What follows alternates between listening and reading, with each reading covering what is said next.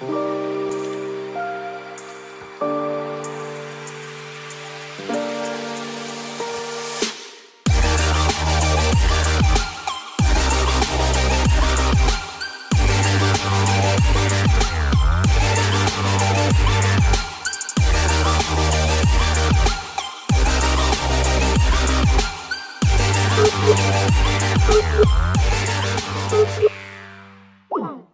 enkelt är det alltså.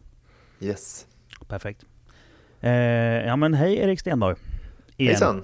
Hej igen! Ja. Take two! Ja, take two. Jag brukar säga att eh, folk är idioter. Och eh, jag är också folk.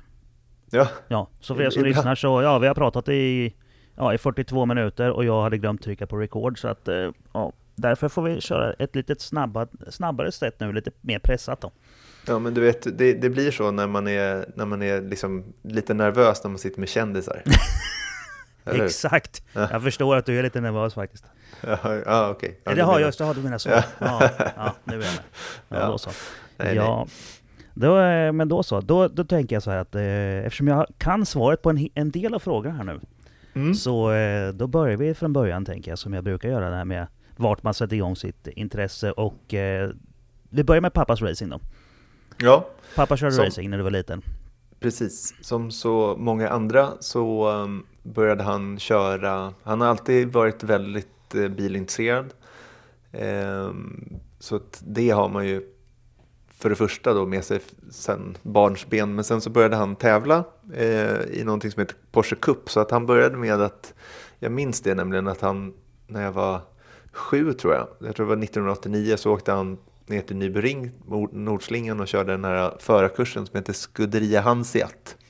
Eh, så här sektionsträning på, på eh, Nyberings Nordslinga. Och sen så efter det så hade han en, en knallgul Porsche. Så han körde alltid med knallgula Porschar.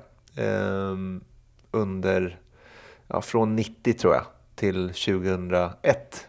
Eh, så tävlade han i Porsche, Porsche Cup eller motsvarigheten som hette GTR ett tag. Och, ehm, jag tror att det ingick med någonting som hette specialsalon.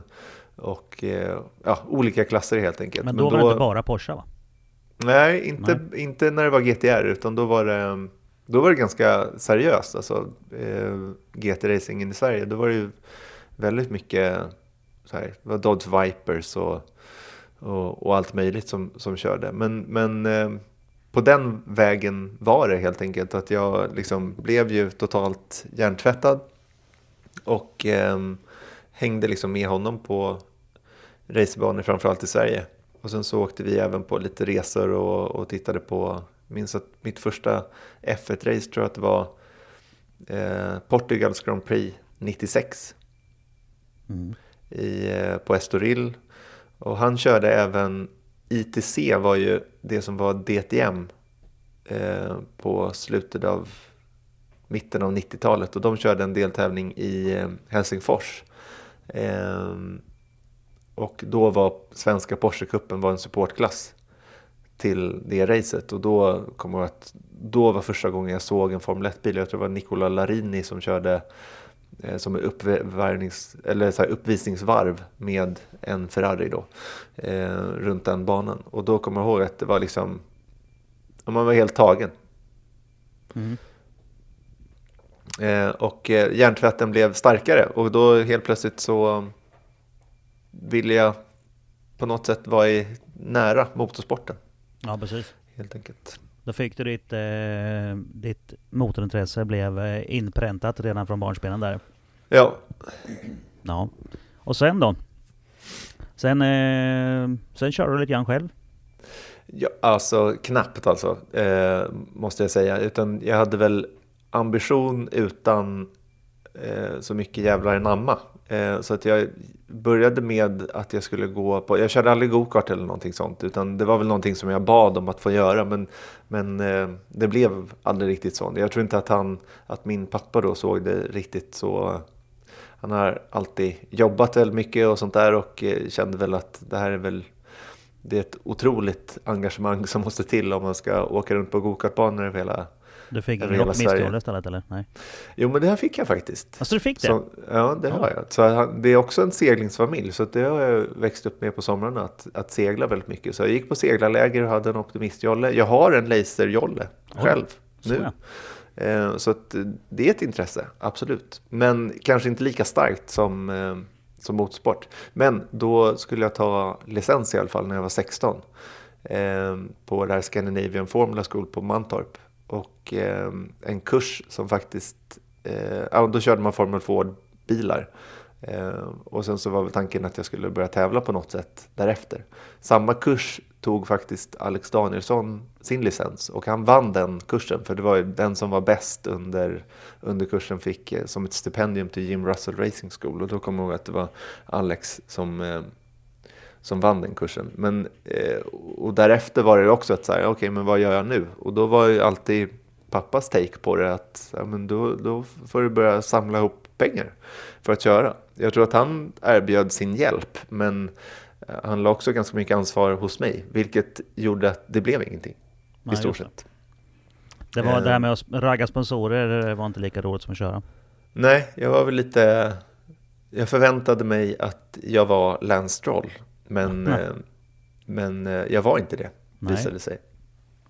Nej, du har ju betydligt mer liv i kroppen. Ja, exakt. Så kan man se det som. För att återkomma till det vi har pratat om innan eh, jag upptäckte att jag inte spelade in. Men Ja. det kommer vi till sen. Ja men Mm. då så, så då körde du Formula School där och sen så, sen så mer eller mindre rann det lite grann ut i sanden då. Ja, jag har väl så här duttat lite så att man körde SLC när det fanns så körde jag ehm, någon Volvo S40 där, något race och sen så körde jag med eh, eh, familjen Kotulinski körde, hade en Renault Megane eh, som jag körde någon säsong med också. Mm. Men det var ju på, för skojs skull, så jag hade inga ambitioner då vid det laget. Vi kan Men, ha eh, kört mot varandra då, för jag har också kört SSC i... eh, Ja, Jag kommer inte riktigt ihåg vad, när det var, men det, var nog slutet på 90-talet. eh, runt Mm. 00, 90, nå- nå- någonstans där var det. Mm, men någonstans där jag körde också. Nej, jag undrar om det inte var något senare. Ah, inte vet jag. Ja, Jag kommer inte riktigt eh, ihåg när det var heller. Det, var, det måste varit, jag tog ju, jag är 77 jag tog körkort 96. Och vi körde ju, min polare David då är två år yngre än mig, så det, han hade ju körkort så hade vi kört ett tag så att... Eh, ja det kan ha varit 01, 02 kanske, någonting sånt där. Mm, ja, men det, det, då, då tangerar vi lite här. Ja. Eh, ja, men som sagt, så jag har liksom aldrig haft någon eh, riktig ambition att bli racerförare. Och om jag ska vara helt ärlig, idag så är jag ganska nöjd över det. Att jag inte är... För att jag tror, till skillnad från du då kanske, så kanske inte jag hade anser mig själv ha den talangen, eller vad man ska säga, att, eh, att bli eh, riktigt, riktigt framgångsrik. Så att jag tror Mm. att då hade man varit en sån där som kanske hankar sig runt lite. Och jag tycker det är otroligt inspirerande att, att, eh, att folk gör det överhuvudtaget. För vilken, vad viktigt det är att det finns den nivån på motorsport också. Men jag, jag är väldigt nöjd med att jag valde min egna bana istället. Ja, Jag, jag kör ju faktiskt, eh, jag kör ju Time Attack själv. Mm. Så jag var ju med på eh, de här, ja, de här TV-magasinen som ni sände på Viasat ett tag. Mm. Jag jag är med i dem också då, så på den tiden. Så att, Mm. jag, är ju, jag ligger ju och harvar i pro-klassen i, i mittenfältet någonstans. Mm. Eh, bästa placering är fjärde. Men eh, man måste ju hålla upp skenet att man är världsmästare va? Det är ju så. Ja, visst. Jag kommer ja. nog förmodligen aldrig vinna pro heller. De andra grabbarna är, de är riktigt snabba och jag... eh, jag Men är- de jag har är- ju också bättre bilar, eller hur? Det är väl det. Problemet är någonstans. att min bil är fan inte dålig. Men Nej, okej. jag, har inte, jag har inte kunnat lita på den faktiskt på ett par år.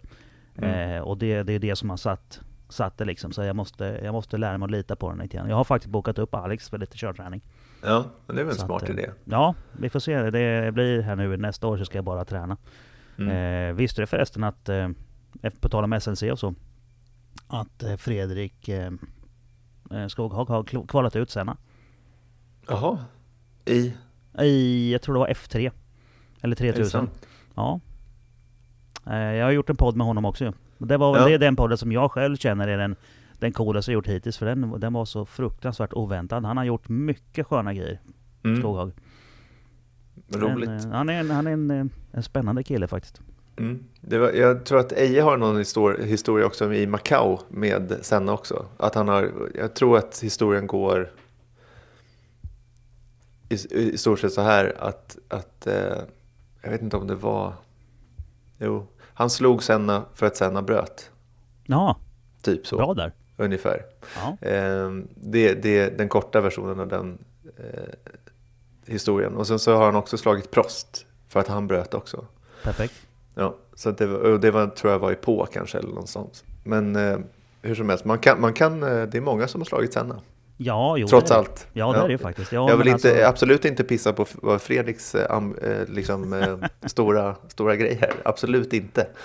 Men ja, frågan är om inte jag statistik ljuger inte. Nej, men så är det ju. Och vinna är vinna. Det spelar ingen roll om du vinner med, med mycket eller lite. Nej, Det är, det Så ju. är det. det är som, Ja. som han Dominic Toretto säger. Winning is winning. ja, faktiskt. Ja. Har man vunnit så har man vunnit. Om Ja, man inte har fuskat. Nej, det är, ja, men det är klart har man fuskat och kommit undan med det.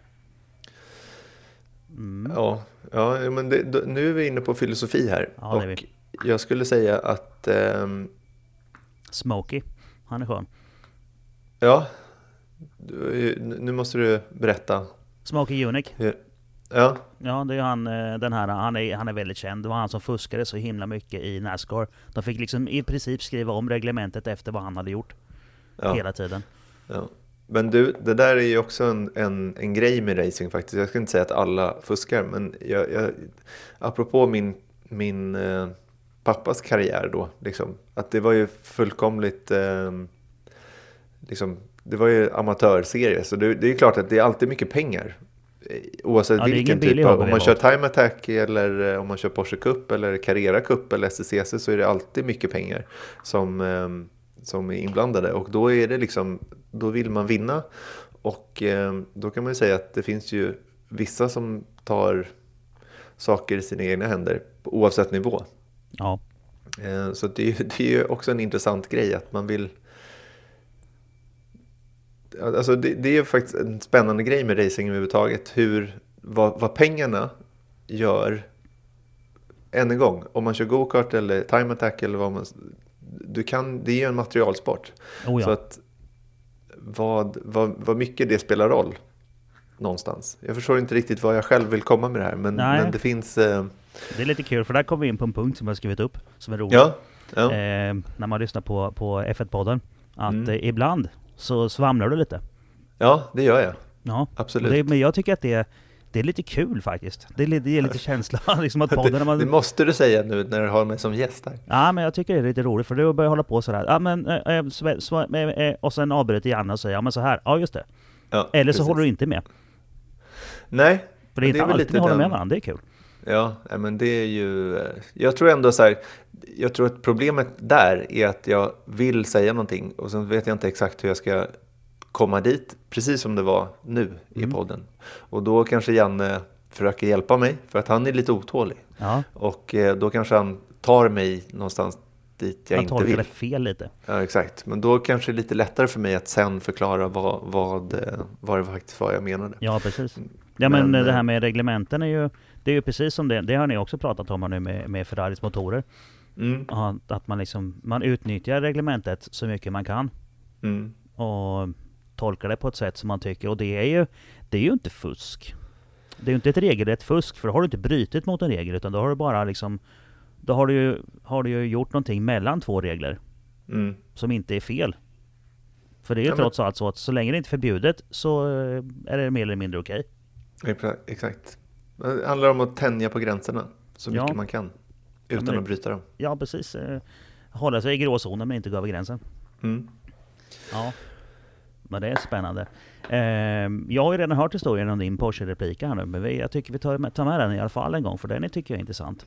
Ja, men det är en... Eh, jag och eh, min far äger den. Eh, Faktum är att han hade, och det här tror jag var kanske 76, mellan 76 och 78 så hade han en eh, äkta RS Touring eh, 73 som han köpte för jag tror att han sålde den för 56 000 kronor eller någonting sånt där. Jag kan inte svära på, på pengarna. Nej. Men det var, han har i alla fall berättat att han var ganska nöjd efter att han sålde den, för att han sålde den med förtjänst. Ja. Och eh, nu när jag var i Abu Dhabi så var det en sån som en touring som gick, eh, jag, kommer, jag vet inte exakt vad den gick för, eh, men jag tror att det var någonstans runt 7 miljoner. ja. Eh, så de, den borde man ha suttit på. Eh, sen har jag faktiskt haft en, en 964 RS också som jag var otroligt nöjd över att jag sålde med 60 000 kronors förtjänst. Eh, för Ja. den hade jag ett kort tag bara. Men eh, nu går ju de för kanske två och en halv. Ja. Två i alla fall. Ja, jag, jag känner en kille som har en sån som står faktiskt. Mm. Det är ju det, det är en sparbössa. Så är det. Men jag tror faktiskt att den här eh, RS-repliken som vi har, den är inte... Eh, men den är väldigt välbyggd. Eh, den är en 72T egentligen. Och sen så byggdes den om i Tyskland av ett företag då. Och vi har hela, liksom, alla papper på när de, när de byggde om den här. Så den var liksom plåtren. Och sen byggdes den upp. Enligt konstens alla regler. Och det är en, en historisk racerbil helt enkelt. Så den har en 2,7 liters motor. Eh, den har förgasare istället för sprut, vilket RSen hade. Eh, RSen hade sprut då, Mm. eller har sprut egentligen. Men, Det måste men vara förgasare. på dem va? Vad säger du? Det måste vara gamla K-Etronic på dem va? Ja, du. Så, Okej. så, så duktig är jag inte, Nej. tyvärr. Men, men ehm, den funkar väldigt bra nu och eh, vi har fortfarande inte tävlat med den. Men, men min ambition är att jag på något sätt ska tävla med den under 2020. Ja, just det. Och då var vi inne på det här med, eh, med Classic eh, Le Mans också ju. Mm, precis. Det För skulle vara kul den- äventyr. Ja, verkligen. Och det är, det är lite det som är drömmen någonstans. Att, och, och det är det här jag pratar om med, med racerförarfrågan. Att jag är inte speciellt missnöjd som sagt med att inte vara racerförare. Men sen så är det så sjukt kul när man får chansen att köra. Ehm, oavsett om det är liksom, du vet den här uh, Gelleråsen har ju, Rickard Göransson nu anordnar ju sån här uh, racerförare för en dag-grej. Och så har han tre timmars lopp med Volvo C30 eh, bilar som man kör i, i team då. Ja, och det är alltså, jag menar även om det är bara på skoj så är det så sjukt kul att göra. Jag har kanske gjort det fem, fem gånger. Jag gjorde inte ni det Eh. med podden för något år sedan? Jo, det gjorde vi. Ja. Och ehm, eh, då var det eh, Lennart Bolin då som fortfarande hade Gelleråsen då. Men nu har, kör ju Rickard Göransson samma, Ja. samma grej. Men det är verkligen någonting som jag kan rekommendera. Det är inte som för speciellt. övrigt ser ut ungefär som du. Och fyller upp samma dag va? Ja, exakt. 8 augusti. Mm. Det är faktiskt roligt att det är många som eh, har sagt det. Jag vet inte om, om Rickard Göransson eh, har hört det, men jag har hört det många gånger att jag är en... Vi är eh, bröder på något Ja. sätt. Ja, jag, fick det, jag fick det inside faktiskt från Jarosinski. Ja, okej. Ja. Mm. Just det, det är faktiskt han som tror jag har myntat det Ja. på något sätt. Men hur som helst, att, eh, det är en skitkul grej att, att oavsett vad man får köra så är det ju, älskar jag att göra det. Eh, men det är just, och det är det jag lite tänker på historiskt, att om man har en sån här bil och så kan man göra det en eller två gånger per, per år. Eh, om det nu är kanonloppet eller om det är eh, Le Mans Classic, det spelar inte jättestor roll. Men det hade varit, det är ju en dröm att få köra på Le Mans. Ja, ju skithäftigt. oavsett eh, liksom, nivå. Bara för, liksom, det är en sån där grej att man skulle verkligen jag skulle väl vilja köra på, jag har aldrig kört på spa, jag har aldrig kört på Monza, men, men eh, tänk om man skulle kunna ha det som mål. Att köra Ja. på någon stor racerbana varannat år Ja, och tävla det, verkligen. Ja, ja det är ju det är en skitcool grej att dra dit en sån bil och eh, köra någon tävling liksom. Mm. Bara för att och, och känna att man har gjort det, om Ja. inte annat. Ja, det är inte alla som får. Nej, verkligen Nej. inte. Jag har åkt med på spa faktiskt. Jag fick aldrig köra själv där men eh, jag har åkt 964 turbo på spa. Mm, det är Ja. bra. Ja, det är trevligt. Och eh, 997. Mm. Eh, vi var nere på en sväng på ringen och sen åkte vi vidare till spa efter det. Mm. Ja, men det ringen å andra sidan, det är en sån där också. Tänk att köra... Det är för det, det, det har vi pratat om, jag och pappa också, att vi skulle ta dit. Den är lite jobbig att åka med hela vägen ner, men att man skulle på något sätt eh, få den nedskickad eller traila ner själv bara för att köra på Ja men på det fixar de här förarkurs med det där. Eurotransport så är det vänder hela tiden dit nu Ja, jag vet, jag vet. Och sen så, jag vet en kille faktiskt som har, han, han kör den här äh, varianten att han, han skickar ner bilen på våren och sen så åker han dit Mm. sex, sju gånger under året och sen så skickar han hem den igen Ja den står på, där på hösten. Mm. Hyr ett garage där. Ja, precis. Undrar vad ett sånt garage kostar, det kan inte vara billigt. Nej, men det är inte, alltså det behöver inte vara, nej exakt, men det behöver inte vara på Devil's Diner som den står Nej, heller, utan den kan ju nej. stå 10 mil därifrån. Ja, det så gör det det är, nej, exakt. Så det är ingen, ingen dum idé faktiskt. Nej, varför inte? Men det är klart, en sån där bil bör man kanske ha hemma ändå. Så man kan gå och klappa lite på den på kvällarna. Ja, ja, så kan man göra också. Man kan hyra bilar där, men det är inte så billigt heller. Nej, men det är ju rätt smidigt med, med försäkringsregler och sånt om man har en, en eh, av de här rent for bilarna Mm. Man slipper lägga sant. ut pengar emellan liksom. Ja, det är sant faktiskt. När vi var nere var det ju en, en 996 RS som eh, blåste i räcket. Mhm. Och han fick, ju, han fick ju slänga upp eh, 5600 euro i väntan Mm. på att hans försäkringsbolag sen skulle ta det. Ja. Och det är ju... Alltså det- känns ju i plånboken. Ja, det gör ju det. Och det är det som man, om man tittar på sådana här YouTube-filmer när folk kraschar, alltså man förstår. Alltså dels att de skrotar bilen, men det är också att det där man måste betala, det är inte Ja, du får ju 400 dra kortet innan du går, ut- när du går, går av eh, området liksom. Ja, exakt. Och så får du betala räcken. Liksom. Ja. Det är inte 400 euro per meter Ja, räcke som du har nuddat. Ja, per, per meter. Per, och det är ju inte... Det är för en skena. Och det är ju fem skenor upp. Har man tagit alla fem så blir det rätt dyrt. Ja, ja, du ser. Men det är därför man inte ska, det är ju det som är lite knäppt alltså med, Ja. eh, med jag hur folk kör där. Ja, men det är också ett sätt att det måste ju vara lite självbevarelsedrift liksom. Ja. Någonstans att eh, jag har kört, säg att jag har kört 100 varv där, men jag har inte varit i närheten av att smälla. Nej. Det, får, det, det, det är ju idiotiskt om man kör på sån här turistenfarten. Sen kan det ju gå fel, Ja, men, och det är en annan sak. Någon, men, kan, någon men, kan ha slängt ut en skvättglykol i ett hörn liksom. Det vet man ju aldrig. ja. Men Nej, exakt. man får ju men, ha lite marginaler. För det är ju en meter gräs och sen räcker liksom. Det är ju... Ja, Ja. och det är en del som anser sig köra eh, kval till avgörande F1-tävlingen där också. Så Ja. att det är så på det sättet de kör och det är kanske inte så smart. Nej, jag har kört nio varv bara än så länge. Men eh, Mm. med de här... Det var Suzuki Swift på den tiden. Det här var ju 2010 som jag sa förut. Mm. Då var jag nere. Och tittade på Classic också. Men det var ju... Mm. Det var ju inte heller i närheten av att vara i räcket någonstans. Nej, Utan man har ju roligt ändå. exakt. Och det blir ju inte så kul om man, om man går över gränsen eller? Nej, det blir, jag har ju inte råd med det. Nej, Det går ju inte. på en vanlig, en vanlig knegare kan inte liksom hålla på och betala räcken på ringen. nej. Men man förstår ju dem också. Det är många som bränner i och det är dyrt. Så de måste, och sen då kan jag tänka mig att när de sen ska ta diskussioner med försäkringsbolaget. När de säger det här är allmän väg och så säger försäkringsbolaget nej det är det inte alls. Det är en racerbana. Och så får Mm. de inga pengar. nej. Självklart måste ju personen i fråga betala först och sen ta fighten med sitt eget försäkringsbolag.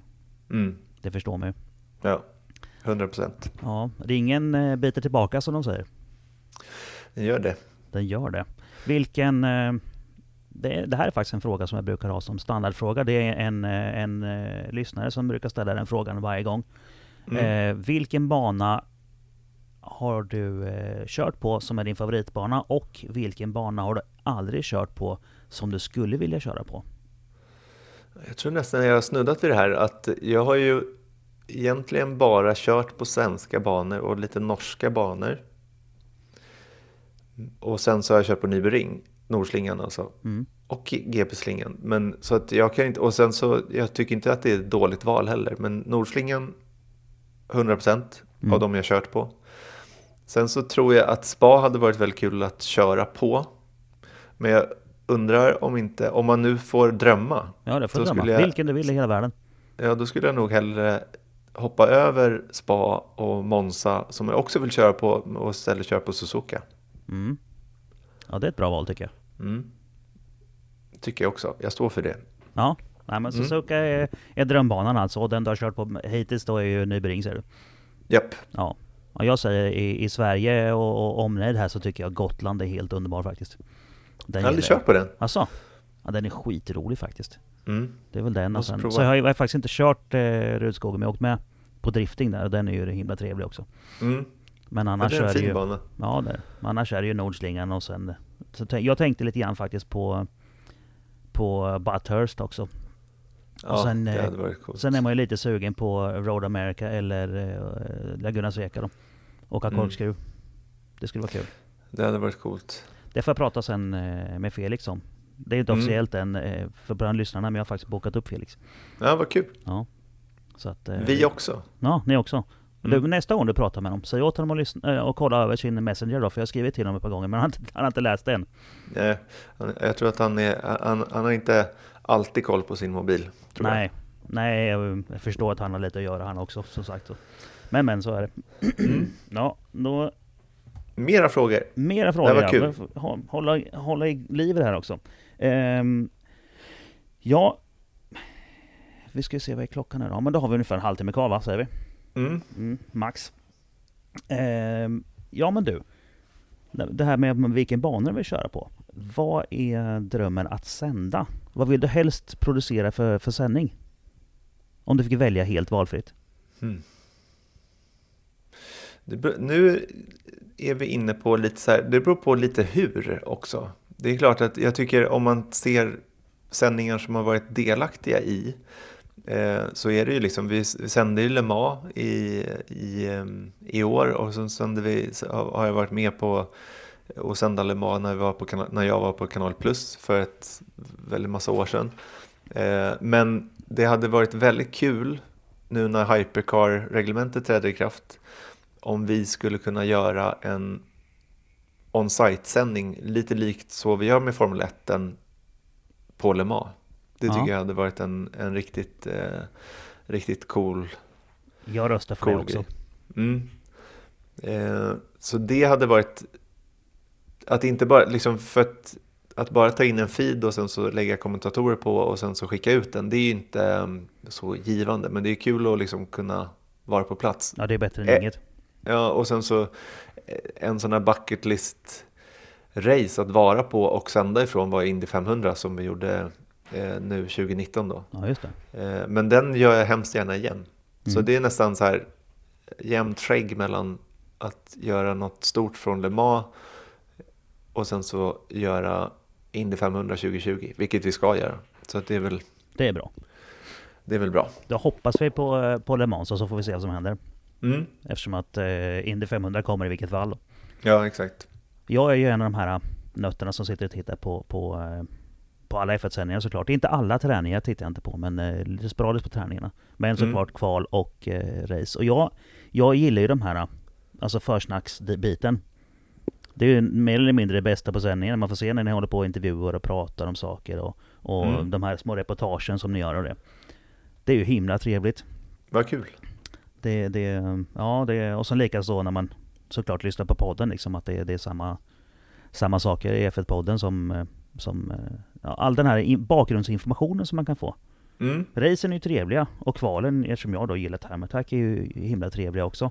Ja. Men just de här reportagen och, och man får veta lite saker liksom bakom och ja, det här med reglementen och vad de hittar på och sen lite intervjuer och, och sånt där. Ja, Men då, fa fa faktum är att jag tycker nästan att allting runt omkring Formel 1 är nästan roligare än det som händer på banan. Ofta. Ja men, jag, ja men jag håller med dig Eh. lite grann där. Det, förr i tiden satt vi ett gäng grabbar och fikade och, och kollade på F1. Mm. Men de andra jävlarna pratade ju hela tiden när det var, när det var försnack. Jag ville ju lyssna. Mm. Så att, eh, jag vet inte, jag börjar bli lite enstöring där. Nu får barnen sitta och titta på, på TVn och jag tar min platta och kollar Ja. via Play med hörlurar istället. Ja, men det är perfekt. Ja, det, så det hör man vad de säger. Och få folk att och lyssna istället. Ja, För tänk vad mycket jobb vi lägger ner. Du måste ju lyssna på det. ja precis. Ja, men jag lyssnar på varenda ord ni Mm. säger. Hela Det är bra. tiden. Ja, så är det. Ehm, då, ehm, ja, nu vet jag redan svaret på frågan. Och förra gången jag ställde den fick jag ju förklara lite mer hur jag menade med vem som är skönast i F1. Mm. Vem du alltså, du, eftersom du då träffar på mycket folk som vi andra eh, inte gör. Som Mm. bara ser på det sändningen och sånt här.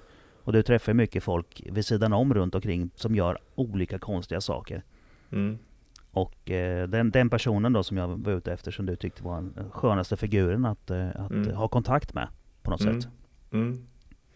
Jag ska svara på den frågan. Jag tänkte att jag vet att i förra intervjun vi gjorde, alltså Ja. för en timme sedan, så var det ju lite, jag blir lite osäker nu på om jag har förklarat vad jag gör riktigt. Så jag tänkte att jag, Jag, jag, drar har till inte mig gått lite. igenom din filmskola i USA och allt det här skiten heller. Det har vi glömt. Nej, lite. ja, men det, det, det kanske inte är så eh, jätteintressant. Ja, men du tänkte bli filmregissör.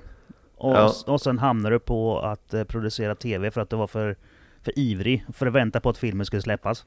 Ja, Det är kortversionen av det. Exakt, Ja. och sen så har jag liksom då jobbat inom sport-tv. För det går ju väldigt fort, hela från ax till limpa så att säga. Så att Mm. det är alltid så här, okej, i helgen är det ett race eller i helgen är det en match eller om två veckor är det OS eller vad det nu kan tänkas vara. Och då är det väldigt mycket, liksom, då sätter man igång direkt och så gör man det och sen så sänder man det och så börjar man med nästa. Så det blir väldigt ombytligt och roligt på det sättet. Och jag är ju då producent för Formel 1 och eh, Indycar på eh, Viasat. Och tidigare så var jag kanske ute lite mer än vad jag är idag. Det har blivit lite så med eh, barn och sådant att det kanske inte passar lika mycket. Eh, men de senaste åren har jag väl varit ute två, tre race per år. I år var jag faktiskt bara ute i, i Abu Dhabi. Så med det sagt så vill jag säga att jag eh, jag menar Janne och Magnus och Björn och Rickard som är ute på varenda race. De har ju såklart mycket mer personlig kontakt med, med förare och annat och sånt. Men jag skulle ändå säga att jag tror inte att det är någon av oss som har, liksom, är kompisar med någon förare. För det, det ska vi inte vara heller som journalister. Men däremot så är det ju väldigt många människor som man har liksom nästan daglig kontakt med inom Formel 1. Mm. Eh, även från mitt håll. Eh, det finns ju mycket så här pressmänniskor och sånt där som är eh, olika trevliga eh, och eh, som man har olika bra kontakt med. Eh, Men den personen, när du säger då vem jag tycker är skönast, det kanske inte är så där den som jag tycker är roligast och mest spelevinkig och som man har trevligast med. Men den som jag har ändå haft lite kontakt med utan att jag känner honom på, på något sätt. Men jag kanske har pratat enskilt med honom ett par, tre gånger i alla fall. Det är Ross Braun. Eh, alltså eh, sporting director för, för Formel 1 idag då. Och han har varit teamchef för, för Braun Grand Prix och Ferrari och Benetton jobbade han med eh, tidigare då. Så han, han är ju en, en stor person i Formel 1. Men det som är grejen med honom är också att jag upplever honom som han är så precis i sättet han uttrycker sig. Han är väldigt eh, lågmäld, han är väldigt ödmjuk, han tar sig tid till folk. Eh, och det är det jag menar att om man tänker på vad han har gjort genom sin karriär och vad han har upplevt med liksom Ferrari och, jag menar vad fan, han, han köpte eh, ett stall från Honda och satte sitt eget namn på det och sen sålde han det till Mercedes och alla vet vad Mercedes är idag. Ja, precis. Ehm, och nu är han sportchef för hela Formel 1. Det han har gått igenom och ändå att han är så pass ödmjuk och eh, en trevlig person, det tycker jag är, definierar skön. Mm. Ehm, så att om man bara liksom jag och Janne det- var ju på den här broadcaster-workshopen och när vi stod och, stod och tog kaffe i en, i en eh, paus liksom, så, så började vi bara snacka med honom. Så stod vi där i tio minuter och små chitchattade liksom. Och han är 100% bra i sin yrkesroll, Mm. tycker jag. Ja, men det, frågan är ju ställd till dig och du eh, tar ju helt enkelt och svarar på den som du vill. Så skön, alltså, ja det är bara ett uttryck. Mm, Ja, nej men Ross Braun är ju, han är ju han är ju en rätt eh, stark person liksom. mm, verkligen. Ja. Ehm, ja, vi var ju inne på Lance Stroll också det här med, men ska vi kanske, ska vi, ska vi ta den eller ska vi hoppa den kanske? Nej, men kan- det, var- det var ju någonting jag nämnde i ja, precis i, någon- i F1-podden att han, var, att han suger livet ur, ur den lite grann när man är där. Mm, Men precis. Han Nej, kanske men, bara då, då, om vi är inne på liksom sköna personer i Formel 1 så, så finns det ju så här, det är klart att alla förare, jag menar Ricciardo är ett typexempel på en sån som alla tycker om för att han bjuder på sig själv och det är lätt att om, om man ändå tänker på att så visst vi är en journalistisk produkt i våra sändningar och vi ska liksom rapportera till er tittare så att ni får en förståelse och, och vet vad som har hänt så att när ni ser på, på racet så har ni alla bakgrundsfakta som ni behöver ha för att, för att eh, uppleva racet så bra som möjligt. Men det är klart att en sån som Ricardo, han är väldigt tacksam för att han är alltid underhållande. Om man ändå tänker på att vi håller på med underhållning också så är ju mm. Ricardo liksom den bästa man kan ha att göra med som F1-förare. Han och kanske Lando Norris. Eh, men det är också en sån enkel grej att när vi vi har ju, har ju liksom tillgång till alla förare under en helg. På fredagar så gör de ju sån här, eller på torsdagar så gör de en tillhandahålls alla till, till sändande bolag eh, inför helgen och sen så efter fredagsträningen, efter kvalet och efter race. Så vi kan ju mer eller mindre, om vi vill, garantera att vi får en sån som Lewis Hamilton i våra program efter varje dag. Ja, precis. Eh, och, eh, men sen så är det ju då att man ställer ju frågorna till alla olika förare och vissa svarar inte på frågorna. För att de är ointresserade och speciellt in, liksom de är inte så sugna på att vara där. Och Lance Stroll upplever jag som en, av, en, en sån person som inte kanske tycker att det är världens roligaste att vara Formel 1-förare. Han kanske tycker att det är svinkul att köra och tävla. Men, men på samma sätt som Kim Räikkönen är en, en karaktär som kan ja. svara på sätt, sättet han gör så är det inte så många som, som liksom når upp till vad han har gjort heller. Så att det är okej okay på något sätt att, att Kim Räikkönen är som han är. Ja, precis. Lance Stroll tycker jag inte har nått upp till den eh, nivån så att han har liksom ja, nästan rätt att svara på sättet han gör. För det är liksom så här att jag har intervjuat Lance Stroll själv och då är det så här en ärlig fråga tycker jag att man som journalist kan förvänta sig ett ärligt svar på. Om man ställer så här vilken är din favoritfärg och eh, du vet, kan du dansa för mig? Ja, men då är det okej att de eh, kanske tackar nej till det. Men om jag ställer en fråga till Lance Stroll som är så här, hur gick det i kvalet? Och han säger så här, uh, it was okay. Så. Ja, det är, det, det är inget roligt svar. Nej, och det är liksom det man kan förvänta sig av Lance Stroll, tyvärr. Så att ja. därav tycker jag att det är, är liksom och det var lite det jag menade i den podden när jag sa att han var som en dementor som suger livet ur en. Ja, det är ju lite överdrivet såklart, men, ja. men han, han bjuder sannerligen inte på sig själv. Ja, men som sagt, han, han, är helt enkelt en, en uh, tråkmåns. Ja, ja. Det, det är bra definition på honom. En, uh, en lagom svensk uh, definition. Ja, det tycker jag. Ja. Ja, nej men det är ju så. Och eh, det finns ju som sagt eh, lite olika personligheter som då Rose Braun eller eller eh, Ricardo eller Lance eller vem man nu pratar med. Mm. Och som sagt Kimmy då, som är egentligen, Kimmy är ju anledningen till att du och jag sitter här idag. Är det? Ja. Det var ju så att vi ställde frågor, vi fick ju ställa frågor Just i podden nu. När jag vann en keps, när jag frågade vad han gjorde på fritiden. Mm. Eh, och då när jag ändå hade det på tråden så tänkte jag nu jävla hugger jag. Fick du den kepsen? Ja. Den, ja, häng, den hänger på hyllan faktiskt. Den hänger på mikrofonstativet till och med.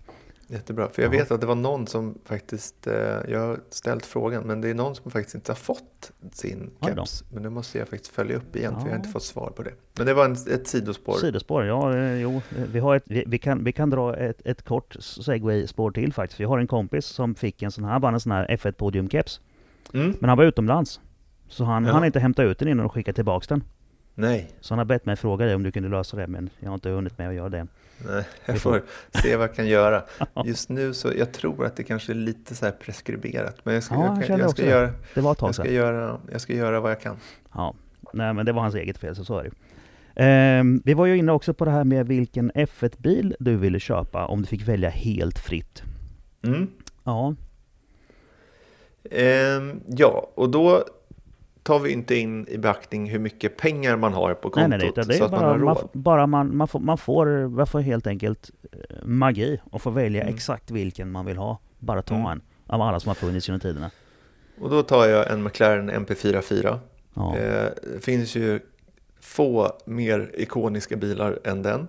Ja, den är ju eh, och, underbar. Ja, och dessutom så tror jag att det är en sån där bil som man faktiskt kan skulle kunna köra också. Ja, det är en eh, vanlig motor den. Det är inte en massa hybrid och konstigt.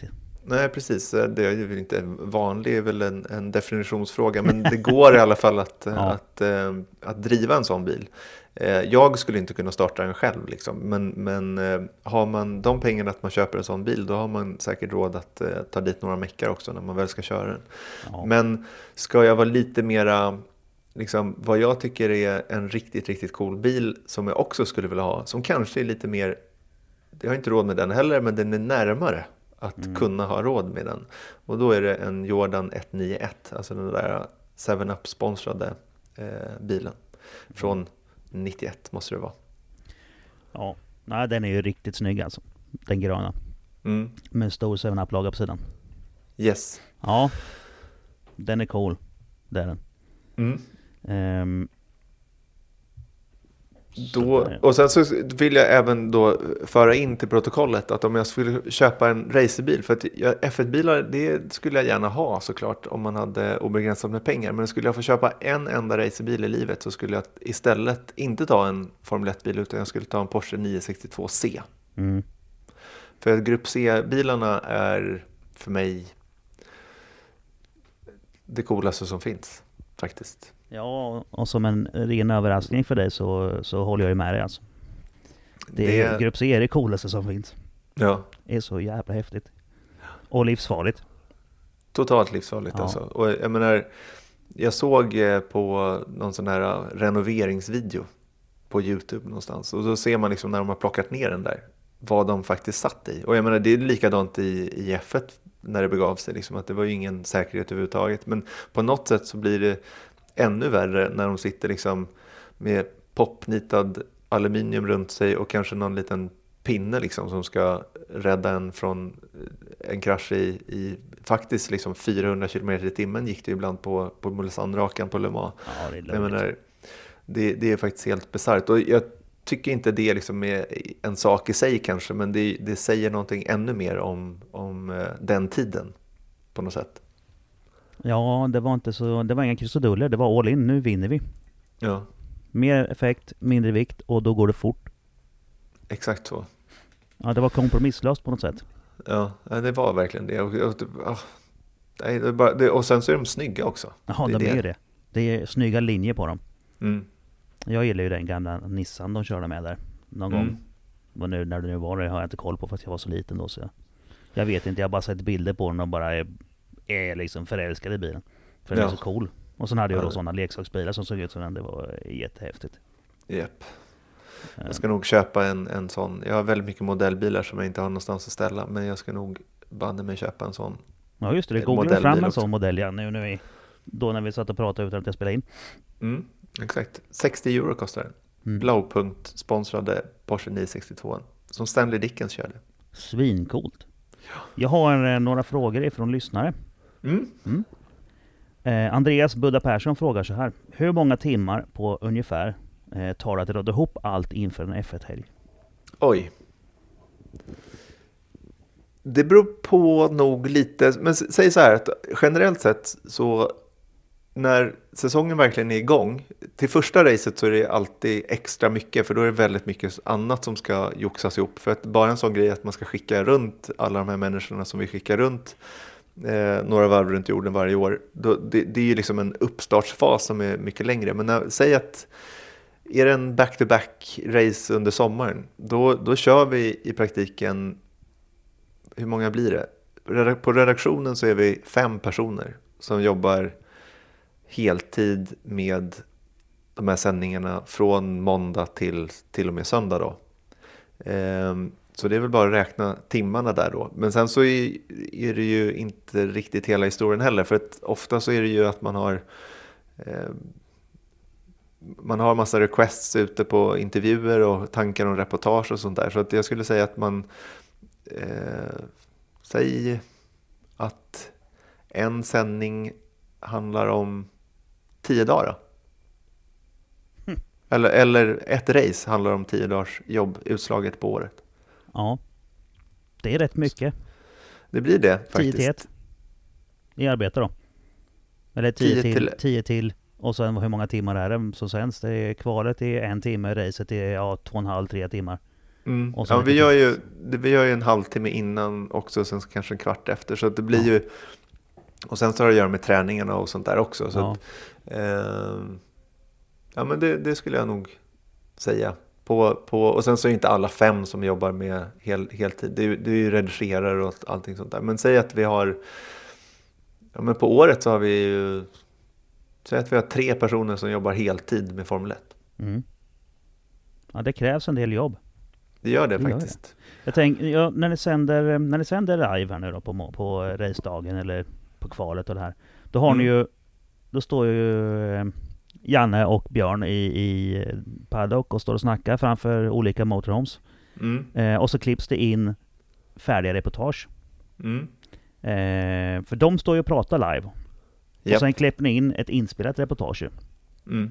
Och eh, sista reportaget så hinner de ju springa upp i båset och det här. Hur mycket, Mm. hur mycket jobb är det där? Jag menar, det är ju ett färdigklippt och redigerat reportage som ska sändas och sen ska man tajma in det med vad de säger och, och med vad Mm. klockan är och innan nationalsång och flybys Mm. och sånt där. Mm. Det är väl lite timing på det också? Ja, absolut. Sen så är det en sån där grej som man, man har. Ja, det här var min elfte F1-säsong, så att man har ju ganska god koll på liksom hur flödena ser ut under helgen. Och det är ju det, är det som är tacksamt med F1 till skillnad från kanske Indy. Ehm, för Indycar, då är det ju NBC som styr och ställer där borta i USA. Och eh, de hittar på lite vad som helst. Så att vi vet inte exakt vad de kommer göra. Framförallt inte på kval. Eh, Men inte ens i race heller. Att då, har, då får vi ett kör, körschema, så här, så här tänker vi göra. Men de Ja. kan ju få lite feeling också att göra någonting annorlunda helt plötsligt. Eh, vilket gör att då blir det lite svårt för oss att, att eh, följa liksom feeden så att säga. För att i Formel 1 så är det en så kallad världsfeed som ser ut på exakt samma sätt varje gång. Den börjar producera 30 minuter innan racet startar. Men vi börjar ju 55 minuter innan racet startar. Så att de där första 25 minuterna, då är det bara vår kamera, alltså som just Magnus. Andersson, som, som, det är vår källa liksom från, eh, från banan. Och sen så har vi då massa förproducerade reportage som vi har gjort tidigare under helgen. Ehm, så att det är ju klart att det, och de här körschemana som vi har, det är ju liksom uträknat på, på papper då eh, varje sekund ungefär, hur vi ska hålla tiden. Det är För lite att, eh, förutsägbart alltså. Ja, men jag ska inte säga förutsägbart, utan det är vi, vi som bestämmer det. Då, vi har ju vår, vi går en vignett och sen ska Janne säga hej och välkommen. Sen kör vi ett intro och sen så är det en eh, nyhet. Så här, här, så här kommer förarna starta. Ehm, det här innehåller vårt program. Det är sådana här satta punkter som vi har i vårt upplägg så att säga. Ehm, så de ser likadana ut varje, varje gång. Men sen så kanske det är så här, ja men nu har ett förkontrakt eh, presenterats i måndags. Ja, hur stor nyhet är det när vi kommer till kvalet? Ehm, ja, det har ändå gått fem dagar så ja, men vi kör den tidigt. Direkt efter nyheten så kan vi ge dem eh, 90 sekunder att prata, om, prata med det. Och då förbereder vi två bildsekvenser på 15 sekunder på den här föraren som presenterats. Och sen så går vi på första reportaget som är eh, en minut och 23 sekunder. Eh, och sen så får de tre minuter att snacka, upp, snacka ner det. Och sen så 30 sekunder för att på nästa inslag. Alltså det är sånt där, så ser körscheman ut hela tiden. Och då sitter jag och eh, Eh, en redaktör och liksom benar ut det där. Och sen så är det skillnad om, om det är både Björn och Rickard för då behöver vi mer tid i så kallade studion för att om båda ska kunna säga någonting så tar det mer tid. Eh, och hej och hå. Och sen så är det alltid saker som händer. Att eh, helt plötsligt så, nej okej, men Kviat hade eh, problem med motorn på väg till griden så han står i garaget. Det måste vi plocka in. Och då får vi stryka någonting annat. Så att det, det är alltid liksom, de här 55 minuterna som vi förbereder de är ju väldigt hårt satta men det är också full tid på något sätt. Så, att, så fort det kommer in någonting annat då får vi stryka något. Ja, Och det. eh, för annars så, så kommer vi missa starten till slut. Och då, Ja, det går då, inte. Nej, exakt. Så det, det är alltid den här kommunikationen. Så Janne och Björn eller Rickard har ju eh, kontrollrummet i sina öron så att säga. Och då är det jag eller en redaktör som sitter och pratar med dem under, under tiden de står och pratar. Då säger man så här, gott om tid, eh, en minut kvar till inslag och då pratar de på i en minut till. Men sen så är det, eh, och, och, ibland händer ju det också att något oförutsett händer. Att okej, okay, nu ser vi på feeden, de står det på när de åker ut på, på banan till exempel, eller ut på, på griden. Mm. Eh, nu ser vi att eh, Hylkenberg har problem. Då måste vi liksom på något sätt under tiden de pratar om någonting annat måste vi förmedla det till dem. Vilket gör att det kan bli lite, du vet, det är mycket simultanförmåga från Jannes sida. Att han måste liksom ta in saker som vi pratar i öronen medan han pratar. Eh, ja, det. Och det är inte så lätt att liksom... Men det krävs lite ha... träning för det kan jag tänka Ja, exakt. Så att, eh, det, det tar lite tid, men alla de här som jobbar i produktionen har Björn är den som är nyast i, i produktionen. Mm. Jag har jobbat med det i 11 år och eh, en redigerare har också jobbat med det i 11 år. Så att jag menar, det, det är ett ganska väl sammansvetsat gäng. Ja, precis. Men eh, om du nu har hållit på i 11 år och gjort det här och någon gång så lär det ha gått fel. Mm. Vilken är den eh, största tekniktabben som har hänt? Det undrar Johan Sjöman.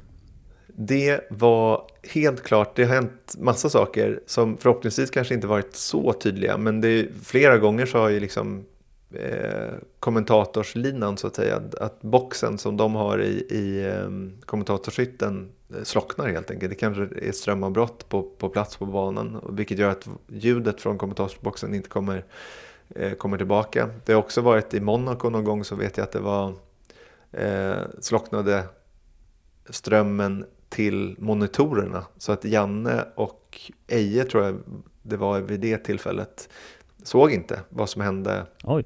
på feeden. Så att då slutade det med att Janne ställde sig upp och tittade liksom snett åt sidan ut på en storbildsskärm och försökte kommentera därifrån.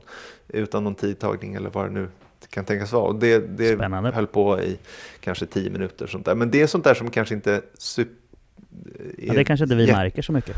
Ja, inte, förhoppningsvis märker ni inte så mycket i alla fall. Någonting. Alltså, ni, ni kommer säkert ihåg att det, det har slocknat ibland. Så att ja, men det vet jag. Någon gång vet jag att det blir helt tyst från kommentatorerna. Man ser bara bilden liksom. Precis, och så kanske vi har plockat in norska kommentatorerna. För de sitter oftast hemma i, i, i Oslo och kommenterar därifrån. Bara som en nödlösning innan vi hunnit lösa, eh, hunnit lösa resten. Men den värsta grejen som hände var faktiskt i Abu Dhabi 2009, det var min första säsong. Och då hade vi precis börjat med de här live-varianterna, vilket gjorde att den tekniklösningen vi hade var liksom lite, den var inte helt optimal. Och då kom jag att vi skulle vi sända 45 minuter innan start eftersom det var sista racet på säsongen.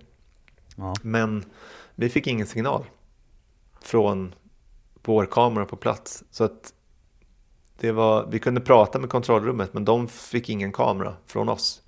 Eh, vilket gjorde att vi missade starttiden. Så det tog, vi fick kliva på en kvart senare. Och det var ju apropå det här med körschema då att när man har planerat 45 minuter. Okej, okay, vi kan inte passa in 45 minuter i 30 minuter. Nej, det går inte. Eh, så då var det så här, okej okay, vad stryker vi? Vad stryker vi? Vad stryker vi? Så det var ju total kalabalik liksom. Eh, det var nog den, min värsta stund i eh, min karriär. Men det var ju som tur var tio år sedan, elva år sedan. Så ja. det var ju, sen dess har det inte varit, hänt något värre. Okej. Viktor Fredriksson han undrar, vilken form av motorsport tycker du är mest spännande själv? Formel 1. Ja. Om motorsport, alltså ingen motor eller fordonssport, inte fanns, vilken sport hade du då helst producerat eller vad tror du att du hade sysslat med annars? Jag tror på något, alltså det som jag är, också håller på med det är att göra andra sportproduktioner men kanske lite mer dokumentära sådana. Eh, eh, så det är väl det jag tror att jag skulle, vilket jag hoppas att jag ska eh, göra mer under kommande år. Lite mer som det... Ninas Formel 1 här då? Ja, exakt sådana. Den typen av produktioner. Mm. Men skulle det vara liveproduktion så, så är jag förtjust i tennis och ishockey. Ja, ishockey där händer det lite faktiskt. Det är lite, mm. det är lite action där. Mm. Ja. Eh, och till sist då säger Viktor här. Vilken form av motorsport som sänds, alltså tv eller streamat, känner du är så kast producerad att du blir lite arg när du tittar på det? Oj. nu, nu måste man vara lite finkänslig här. För Ja. man vill inte riktigt så här, um, Ja, du får ju välja hur, hur du svarar på den. ja. Ja. Man vill inte Eh. trampa dem på tårna. Men jag nej. vet ju, viss, viss, det finns ju många poddar som jag lyssnar på som jag känner att jag orkar inte lyssna på det här för det är för dåligt ljud så jag stänger av. Även om det kanske var trevligt innehåll så Mm. orkar jag inte med när det är för dåligt ljud. Mm. Jag, jag, tror, jag tror att det man ska ha med sig är nog att jag tror att det krävs otroligt mycket för att få ihop en tv-produktion av en, av en eh, racertävling. För att det är, så, det är skillnad alltså om man gör det på en fotbollsplan. För då kan du, du kan praktiken ha en kamera att göra en fotbollsmatch med. Som går an att titta på. Eh, men i biltävlingar så, så räcker inte det. Du, du kan inte täcka du kan inte få det spännande med en kamera för då... Nej, det är för stort område ju. Exakt. Geografiskt blir det för stort. Ja, så att jag tror att det som folk gör är ju såklart den bästa produktionen de kan göra eh, efter förutsättningarna och det är ofta ekonomiska sådana som, som sätter stopp för det. Ehm, Men det är klart att det finns en hel del som, som lämnar mycket att önska Mm. Eh, om jag är tillräckligt eh, finkänslig. Japp, du behöver absolut inte säga vilken. Mm. Eh, David Olsson undrar, varför får motorsport så lite medieutrymme i Sverige? Ja, men om man tänker så här. Jag, jag har alltid varit av samma uppfattning om, eh, och, och det är väl delvis fortfarande. Jag menar, det är bara att, att mäta. Eh, hur mycket står det om Formel 1 eller eh, någonting annat, eh, någon annan motorsport? Hur mycket står det om MotoGP i, eh, i dagstidningarna till exempel? Ja, det är inte så mycket. Men jag tror också att det finns någon form av ansvar hos motorsporten att verkligen jobba för att nå ut. Ehm, förstår du vad jag menar? Mm. Ja, För att det är inte bara, det är inte bara någon annans fel nej, utan man måste liksom i så fall om man tycker att eh, driver man STCC till exempel och bara som ett exempel och tycker inte att eh, det är tillräckligt mycket skriverier om STCC, ja, men då får man ju faktiskt försöka hjälpa dagstidningar eller tv-kanaler eller eh, sportspeglar att, ehm, att ta in det. Det handlar ju om lobbyverksamhet. Men sen så ska man också säga det att kolla på hur mycket motorsport som sänds genom Viasat Motor till exempel. Eh, där kan man ju snacka om utrymme. Sen så förstår jag att frågan är kanske lite mer vinklad till typ Sportspegeln. Eh, där det kanske saknas kan jag också tycka. Men man får inte heller glömma liksom att, att eh, när man gillar motorsport och är sig själv närmast så att säga, att det kanske är det som är...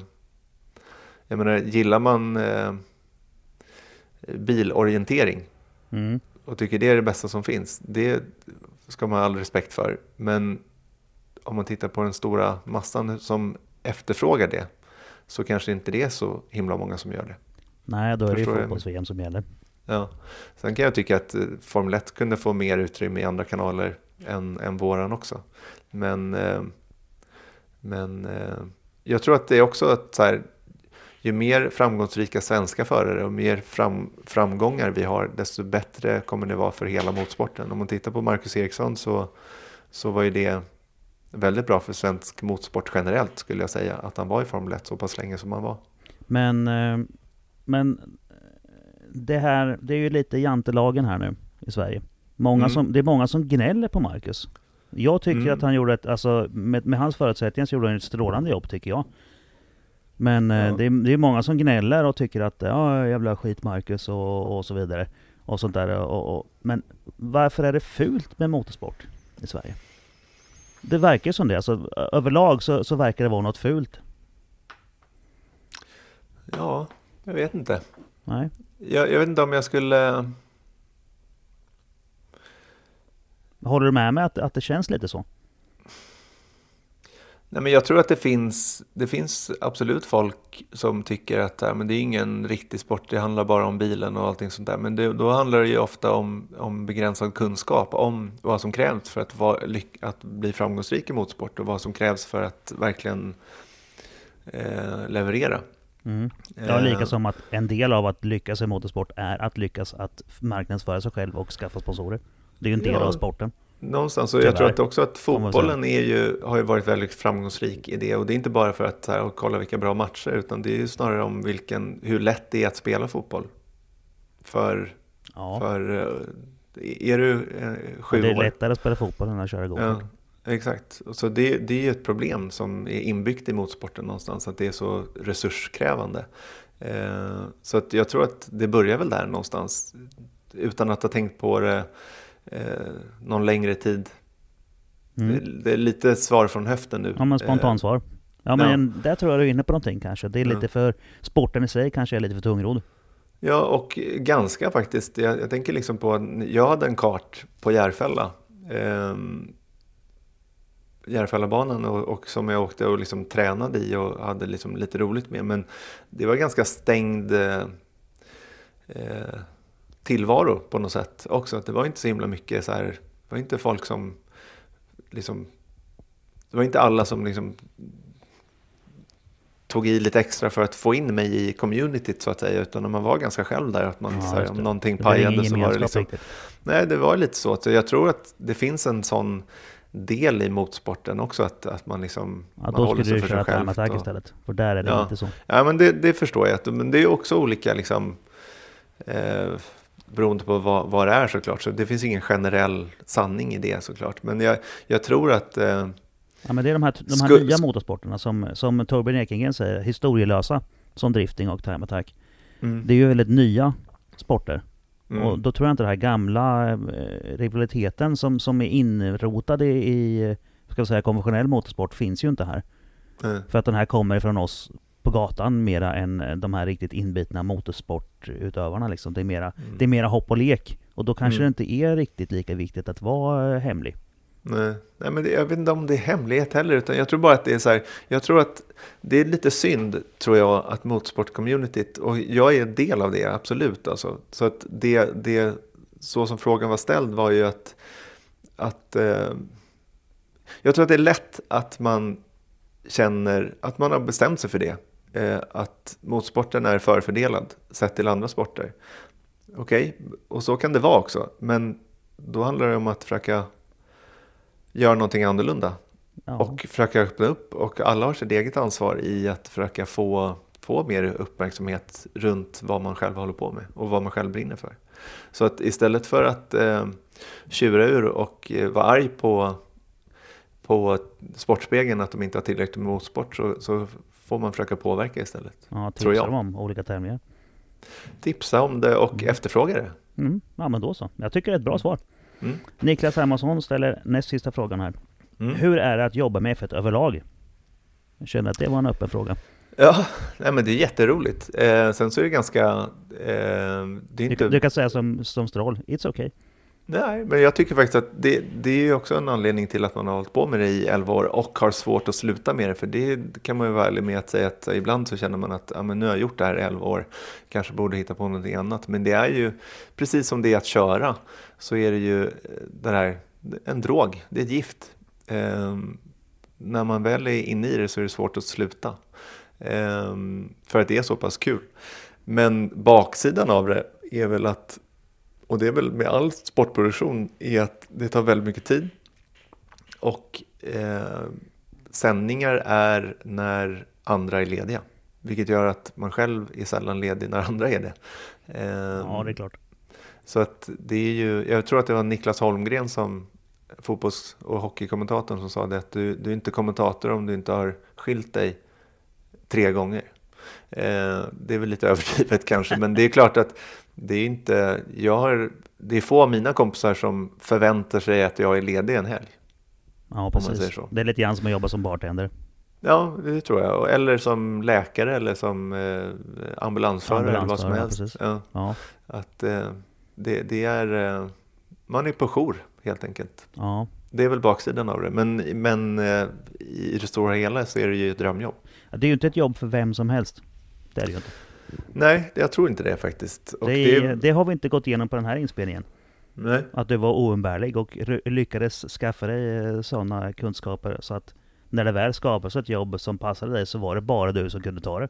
Mm. Ja, men det var ju det där med motorintresset och jag hade det som någon slags mål när jag även började med TV. här, det är motorsport som jag ska hålla på med inom TV. Men när jag började med det så fanns det inga sådana jobb. För det Nej. gjordes inga F1-produktioner på det sättet. Så att, eh, när det väl dök upp via Satt Motor så fanns det få andra att välja mellan. Ja, men det är ju smidigt. Därför så är det så att du sitter där och dessutom du trivs med det. Mm. Ja. Emil Wikström har, eh, ja, han har faktiskt två frågor här, men sen eh, har vi slut på lyssnarfrågor. Vilket race på kalendern är största utmaningen och varför? Oj. Jag tror att jag drar till med någonting och då skulle jag säga Australien. För att det är alltid första på året. Det är När vi har alltid liksom lite uppdateringar i den tekniska setupen till exempel. Ehm, Folk är lite rostiga. Folk har inte gjort någon sändning sedan november året innan. Eh, det är extremt stor tidsskillnad så att det är svårt att hålla kontakt med gänget som är på, på plats. Ehm, Man får, när de spelar in någonting så är det mitt i natten så man kanske inte ser vad de har spelat in förrän man kommer på morgonen. Eh, Och då ligger de och sover. Eh, Och sen så är det väldigt tidiga morgnar vilket gör att när man ska göra en liveproduktion och alla är rostiga i kontrollrummet eh, och det dessutom är klockan fyra på morgonen så underlättar inte det. Eh, Det är, Det känns rimligt ja, det är ett jobbigt eh, race på det sättet men sen så är alla så peppade samtidigt för att man äntligen är igång så att det gör det lättare. Monaco är jobbigast absolut att jobba i, jobba på plats för att det är så trånga utrymmen, det är svårt att ta sig fram, eh, det är otrevliga vakter eh, som Oj. ser till och, och, och, och ser var, var, var man får gå och inte och sånt där.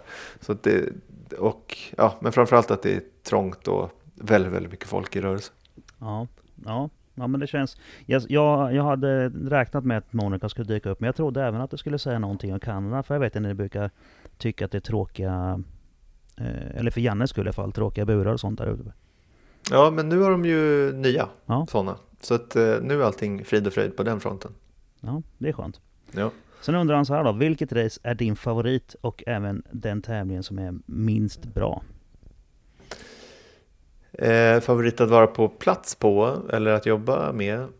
Ja, vilken är din favorittävling? Vilket race är ditt favorit?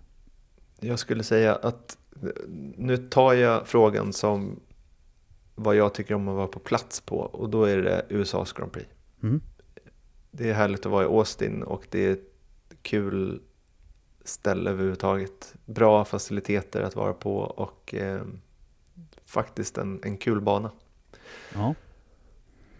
Vilket är den tråkigaste stället då? Ja. Det är lätt att säga det. Nu har jag faktiskt inte varit där på plats, men jag tycker Kina som eh, Shanghai International Circuit är omgivningen där och hur det ser ut i bild. Eh, med den där enorma paddocken. Ja, det är det är svårt att liksom... Ja exakt, det går ju att landa flygplan i den där paddocken. Och det tycker jag man ser, man får liksom aldrig någon folkmyller. Vilket man gärna, om man nu har folk på plats där, eh, så vill man gärna att det ska liksom kännas att Viasat Motor är på plats. Men ställer man upp och ska göra en livesändning i, i Kina så är det, ser det ut som, man hade lika gärna kunnat stå på ICA Maxis parkering. Ja men lite så, det känns Ja. som, som en stor parkering bara. Mm. Ja. Och så en tusen race eh, jubileum. Ja, Ja. som inte blev något. ja platt fall, det var magplask. Ja. Ja. Ja. Nej men jag, eh, det, det, är, det var de frågorna jag hade. Eh, Mm. Jag känner att vi har fått ett, ett porträtt på Erik Stenborg här nu lite grann faktiskt. Jag hoppas det. Det var Ja. roligt. Vad kul. Mm. Eh, tack för din tid. Stort tack själv. Låt oss göra det igen någon annan dag. Ja men det tycker jag låter som en bra grej. Och då ska jag komma ihåg att trycka på rätt knapp från början redan. Gör det, för nu har vi gjort det två gånger. Ja det är ju onödigt göra- att lägga så mycket tid. Vi får göra en tredje gång. helt Ja, enkelt. men precis. Jag tycker det låter som en bra det. Mm. Ja, men, Bra då. Ja, men det perfekt. Och eh,